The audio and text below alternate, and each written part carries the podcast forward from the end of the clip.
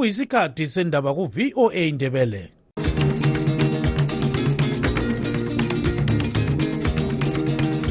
amatshono zihlobo siyalamukela kuhlelo lwethu lwezindaba eziphathelane lezimbabwe. Kustudio 7 eya voice of america sisakaza sisewashington dc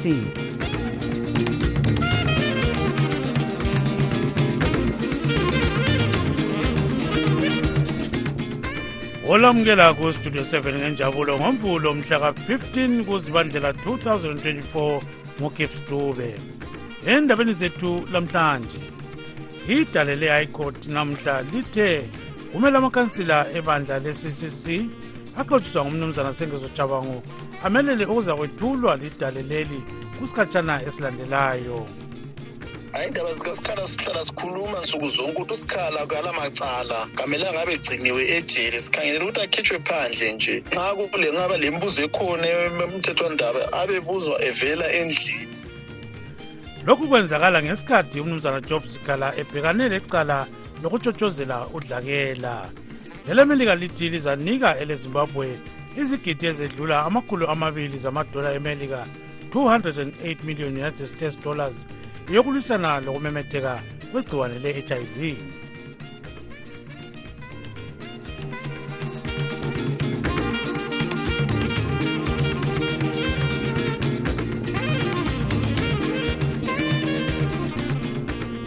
idale le-high namhla lithe kumele amakansila ebandla le-citizens coalition for change aqoshiswa ngumnumzana sengezo jabangu amelele ukuza kwethulwa lidale leli kusikhatshana esilandelayo idale leli lithi kulecala elifanayo elaphanyekwa ngamalunga e-ccc kungakho-ke kumele beme kancane ngoba lolo luphanyekwe ngumnumzana ian makone owayengumeya weharare labanye luzahlolisiswa ngemfanelo lalo.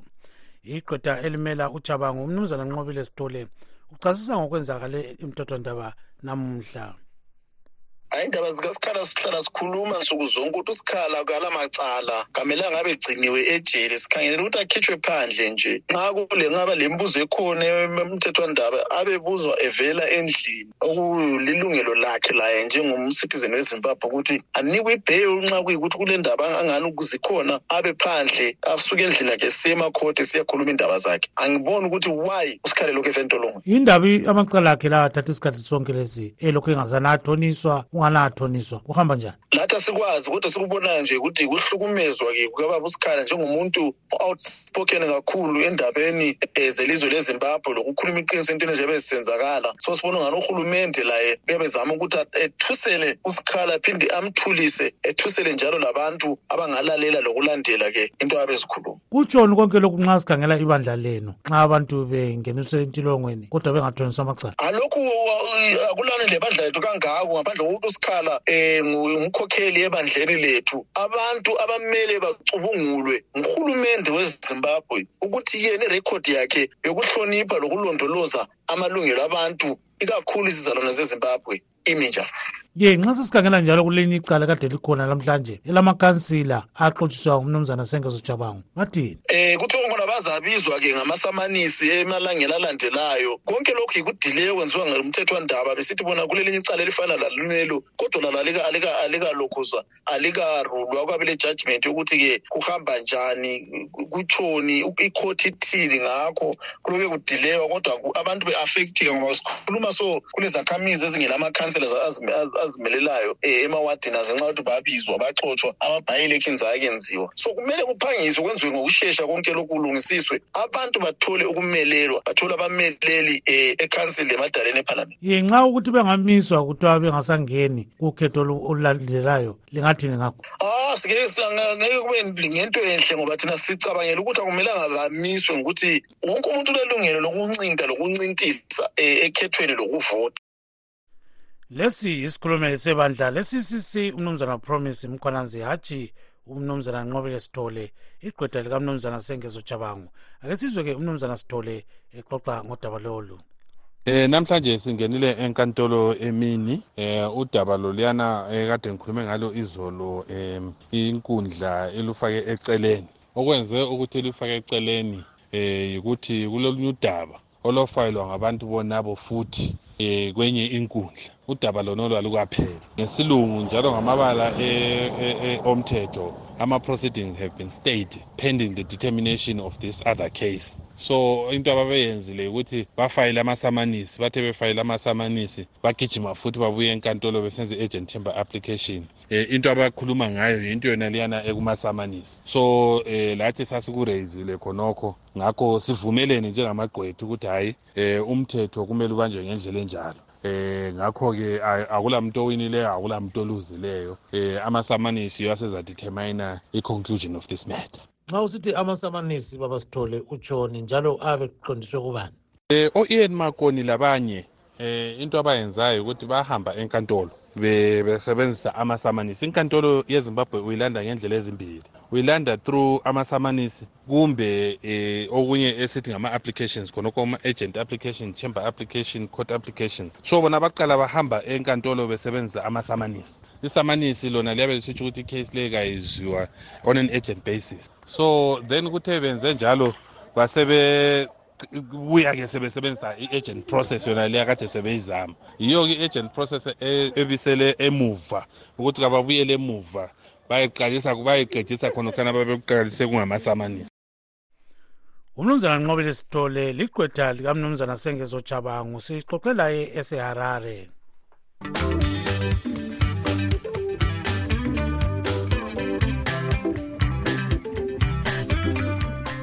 izizalwane zemelika namhla zinanza usuku lwemartin luther king jr kule mikhosi etshiyeneyo eqhutshwayo abanye baqhuba inhlelo zokuphathisa njengendlela yokutshengisa inhlonipho kumuyi owalwela amalungelo kazulu. Umongameli joseph biden usephiladelphia ukuyaphathisa kwenye inhlanganiso esiza uzulu. Ukuze sizwe ngodaba lolu sixoxe lo mnumzana dan moyo owayewebandla le-mdc khonapha emelika lilanga okucelebrethwa ngalo um umartin luther king owayeyinkokheli e-civil rights movement eyiyona eyalwela inkululeko yabantu abansundu ukuthi bakwazi ukuvota labo lapha e-amerika um ngama-1960s um sambona umartin luther king ekhokhela umhlambi wabantu besuka esema bawoka baze bazofika e-washington d c okuyiyona okuthiwa yi-million man march lapho umartin luther king a-adressa khona um abantu wakhuluma i-famous speech yakhe lana ethi i have a dream. Ukunanzwa kwaleli langa kungaba kuyinto eqakathekiswa ngabansundu kuphela na lapha emelika? Angeke ngithi lilanga eliqakathekiswa ngabantu abamsundu kuphela uh, ngoba even abantu besimame labo ababencindezelwa kudala bengavunyelwa ukuvota labo ngabantu abalwalisa ukuthi bathole ilungelo labo lokuvota. So labo bakhangelela ilanga leli njengelanga lenkululeko. So lilanga eliqakathekileyo kakhulu kuma-civil rights um akhangelane lezinto eziningi not just amalungelo okuvota abantu abansundu but indlela nje umphakathi ophatha ngakhona izizalwane zalapha. So ilanga lika-martin luther king lilanga eliqakathekileyo kakhulu. Ngesengingathi ma ukhangela eh akekho even umongameli oyi-one e-america olelanga okuthiwa ngelakhe elibizwa ngegama lakhe. Kuyini esingakufunda empilweni kamuyi umartin luther king okukhulu? Ya i think mina um okuqakatheke kakhulu engikubonayo ukuthi wayengumuntu okhaliphileyo kakhulu njalo engumuntu owayecaca ekuchumayeleni not just enkonzweni ejumayela ngevangeli but umuntu wayekhuluma efundisa abantu ngamalungelo abo lendlela abangafunda ngayo ukuzilwela um ukuthi bathole leyo nkululeko. Lo ngumnumzana dan moyo owebandla le-mdc besixoxa ecingweni lotaboka ncube westudio 7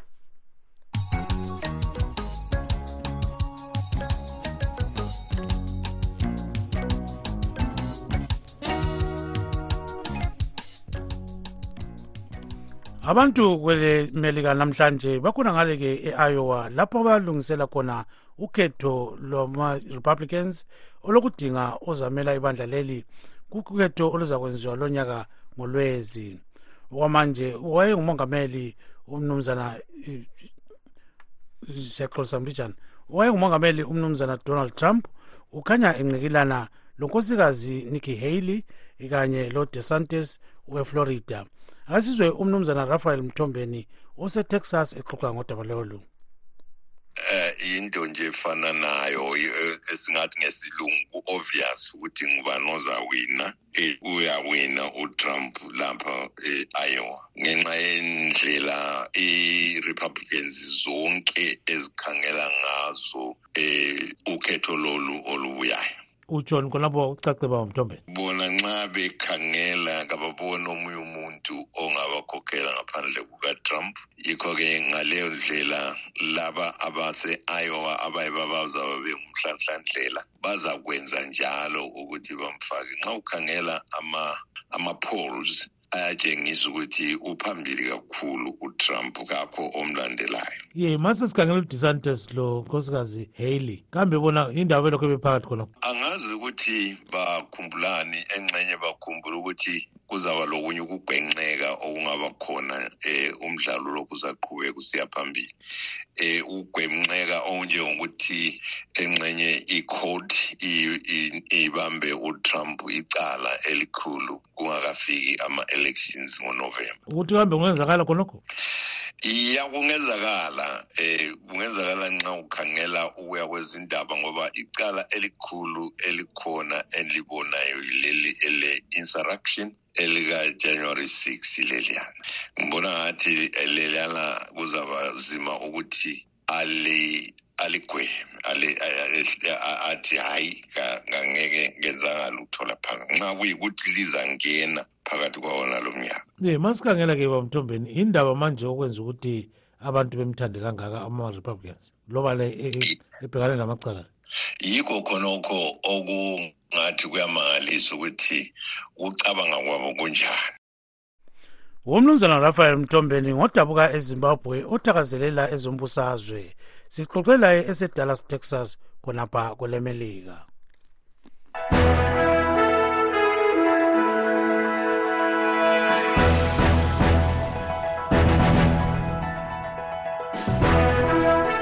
singakangeni kusigaba esilandelayo sike sikhangele esivela kwamanye amazwe ngamafitshane.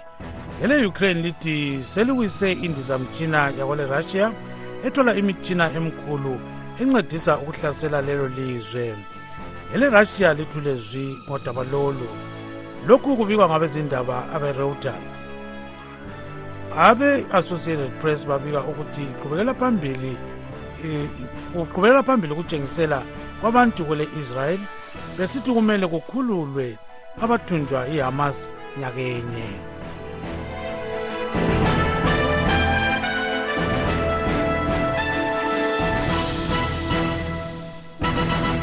Kwezempilakahle omele isigodlo semelika eharare unkosikazi elaine french uthi elezimbabwe lonyaka lizanika imali lizanikwa imali edlula izigidi ezingamakhulu amabili 208 million united states dollars phansi kohlelo lwe-president's emergency plan for aids relief kumbe pepfa yokulwisana lokumemetheka kwegciwane le-hiv sixoxele ngodaba lolu lesikhwicamfundo usolwayo ngwenya osebenza empilo hospital lapha ukhuluma ezimele.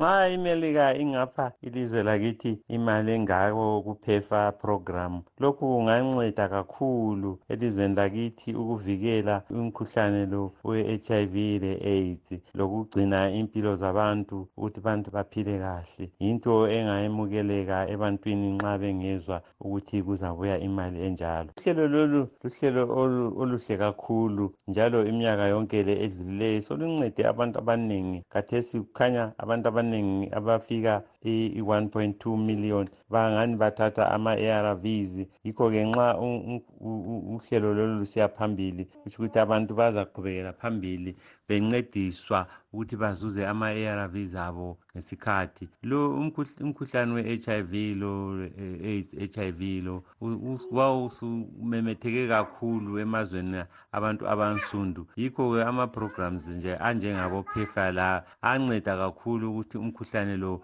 ube ngenani uye phansi. Singathi uma nxa ukhangele baba ngwenye ubona ngazani uhlelo lunje lunceda abantu abanjani njalo nxa ujala ukukhangikhangela kulabo abagulayo luyabasiza kanganani unceda-ke lo iprogram le ebantwini abathi babe betestiwe batholakala ukuthi balegcikwane leli ele-HIV ukuthi baqalisiswe ama-ARVs lokuthi babe bebuya ku-review bekhangelwa viral load labo CD4 count. Yikho-ke kuyanceda lokupheni omama ama-ARVs ukuthi abantwana bengazalwa belawo lo umkhuhlane. Yikho-ke hhayi le program iprogram enkulu sibili empilweni zabantu abaningi elizweni lakithi. Iprogram ke iyanceda kakhulu ngoba nxa abantu bengaba positive bengaswela ama-arvs kuyatholakala ukuthi kudala kungakabi lama-arvs abantu babeshesha batshone lapha e, emhlabeni. Yikho-ke iprogram le iyanceda kakhulu ukuthi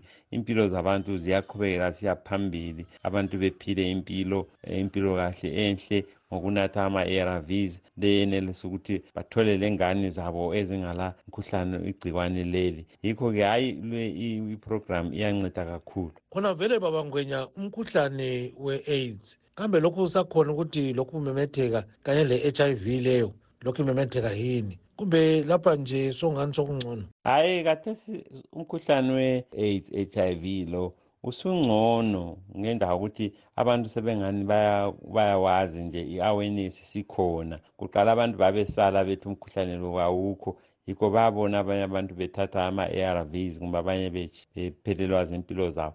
Yikho usungani ungaphansi kakhulu njalo iprogram lezi ezinje ezinjengabophefa ziyancedisa ngoba umuntu nxa esefakwe emaphilizini kuyayenza ukuthi umkhuhlane ungamemetheki nxa behlangana emacansini. Kodwa sokulaba ontanga laba abanye abancane abantu sebengani bayadelela imkhuhlane lo.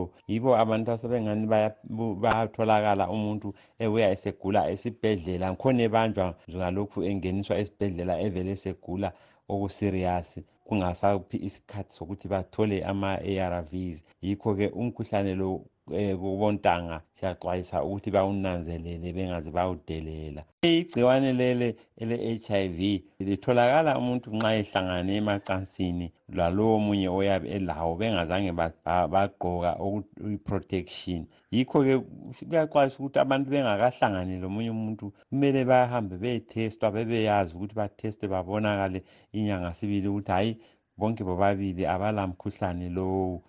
Nxa kuyukuthi omunye ulawo umkhuhlane abatrithwe njalo bengeniswe iprogram zenezi zabophefa bephiwe ama-arvs umkhuhlane lo nxa umuntu enatha ama-arvs oviral load laba baba phansi ukuthi bayancedisa ukuthi umkhuhlane ungamemetheki ebantwini. Yikho uthola ukuthi iprogram ezinjengabophefa sezanceda kakhulu abantwini abansundu ukuthi abanye lala nxa behamba belala bengagqokanga bengavikelanga.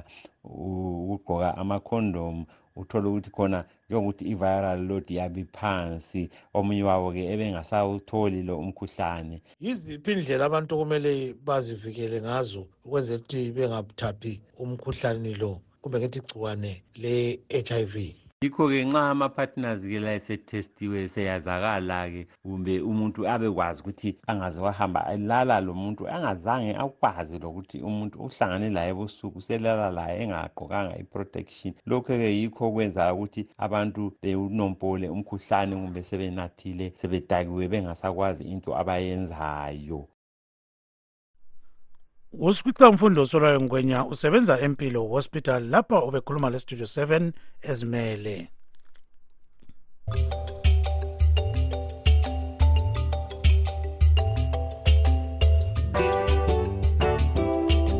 Sokuyisikhathi sabalaleli.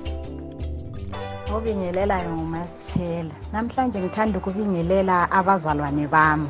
Ngizaqala ngabafundisi bami engikhonza labo e-oliveni แล้ก็ลองว่าจำจำ unjani mfundisi khona ngapha emakhaya ubuya nini? Usiphathele ezimnandi. Ngibingelele ubaba kalevi ngibingelele undlovu ohlala e-26 ngibingelele ubaba katumelo bese ngibingelela ubaba kathabisile ngibingelele ubaba kamhlengi um ngibingelele ushaba ngibingelele umbonisi ngibingelele unoleji ngibingelele udilayithi ngithi bafundisi bami ngiyalithanda kakhulu. Bese ngibingelela izalukazi zami engeke ngizikhohlwe. Ugogo umahlangu u-anti umazikhali umama kasuku umankatha. Ngiyabonga kakhulu. Sakubona kunjani? Sakubona kunjani? Ngize lapha kugroupu ye-voa ndebele a-news kuthiwa abantu abaposte nxa befuna ubingelela izihlobo zami. Mina ndithanda ubingelela izihlobo zami zonke zakobhebhe bonke abakubhebhe labakomoyo labakondlovu lapho kuzalwa khona ubabami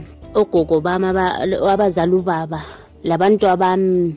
Abakudongane abantwana bami bakudongane. Mina ngumabhebhi ibizo lami ibizo lami ngumabhebhi ngivelelwa gwele esikombingo emadeweni kufayabo.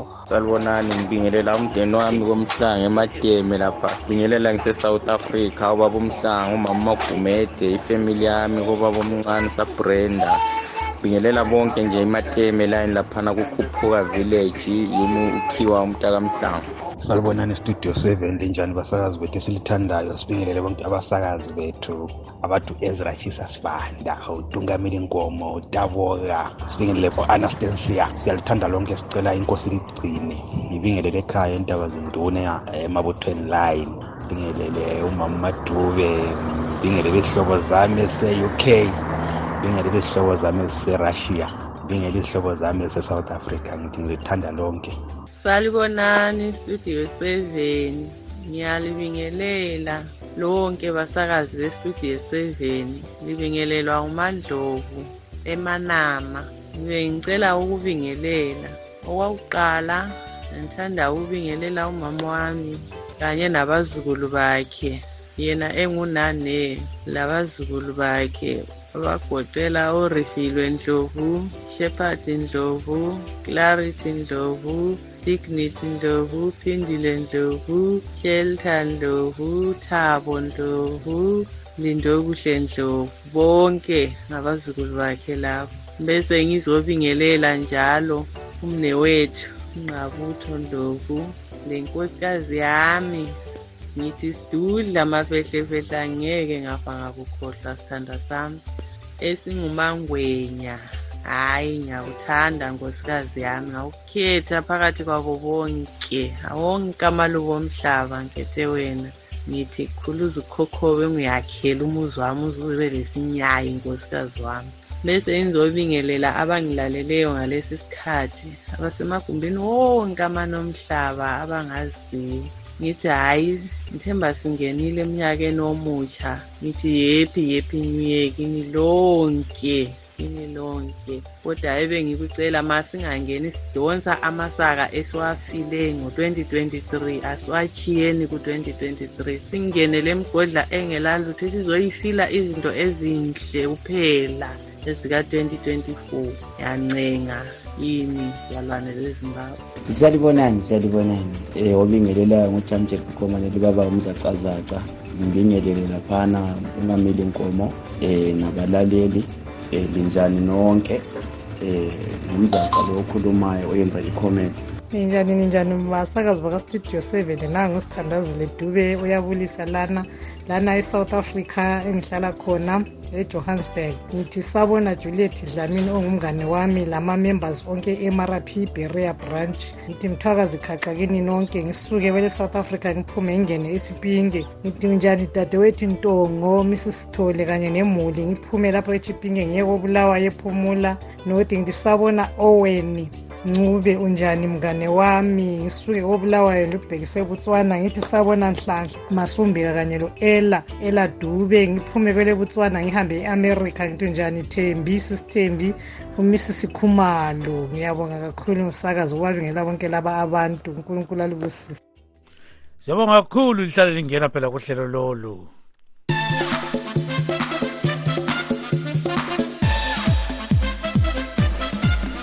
Kwezemidlalo iqembu lesenegal lamhla linqobe elegambia 3-0 emdlalweni we-afcon kwele ivory coast.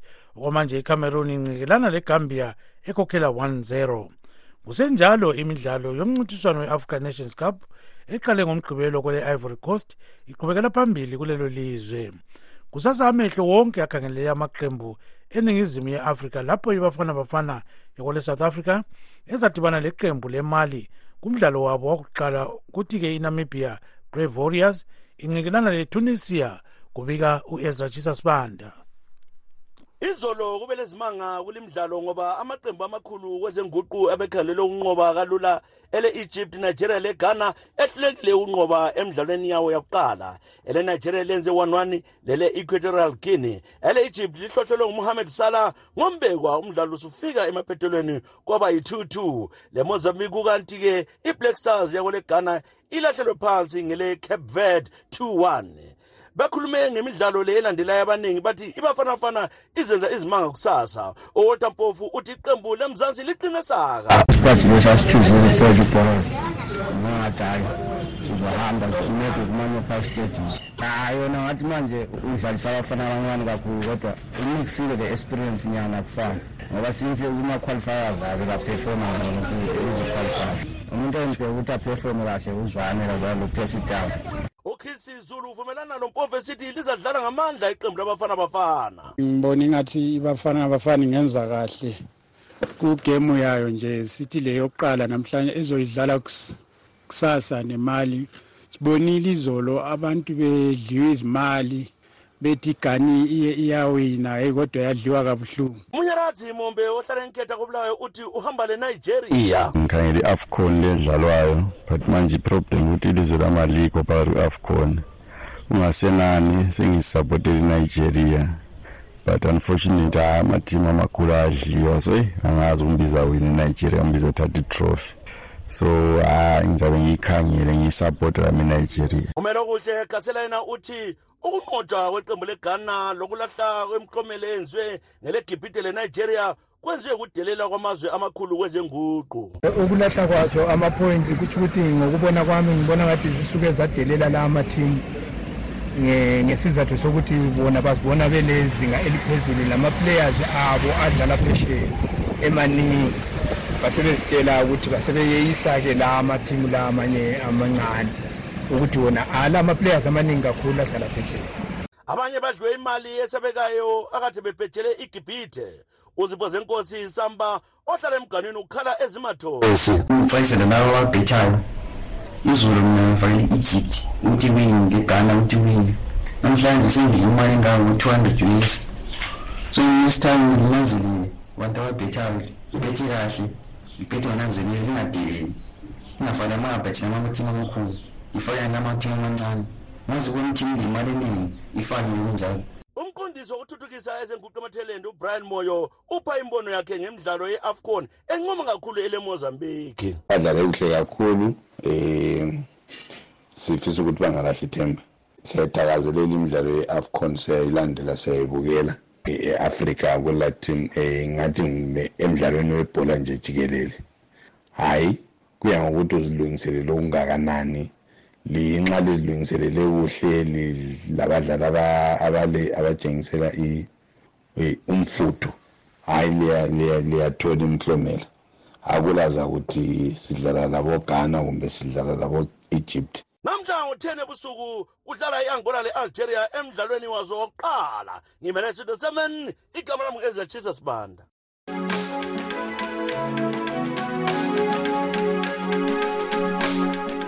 kulaptop namhla sixoxa ngemidlalo ye-africa cup of nations. Siluqhuba lapha uhlelo lwethu lwalamhlanje olivalisa ngenjabulo ngumthembo osithembayo ugibbs dube. Kodwa lingakhohlwa phela ukuthi lingene ku-live talk kusikhatshana esilandelayo. Lilale.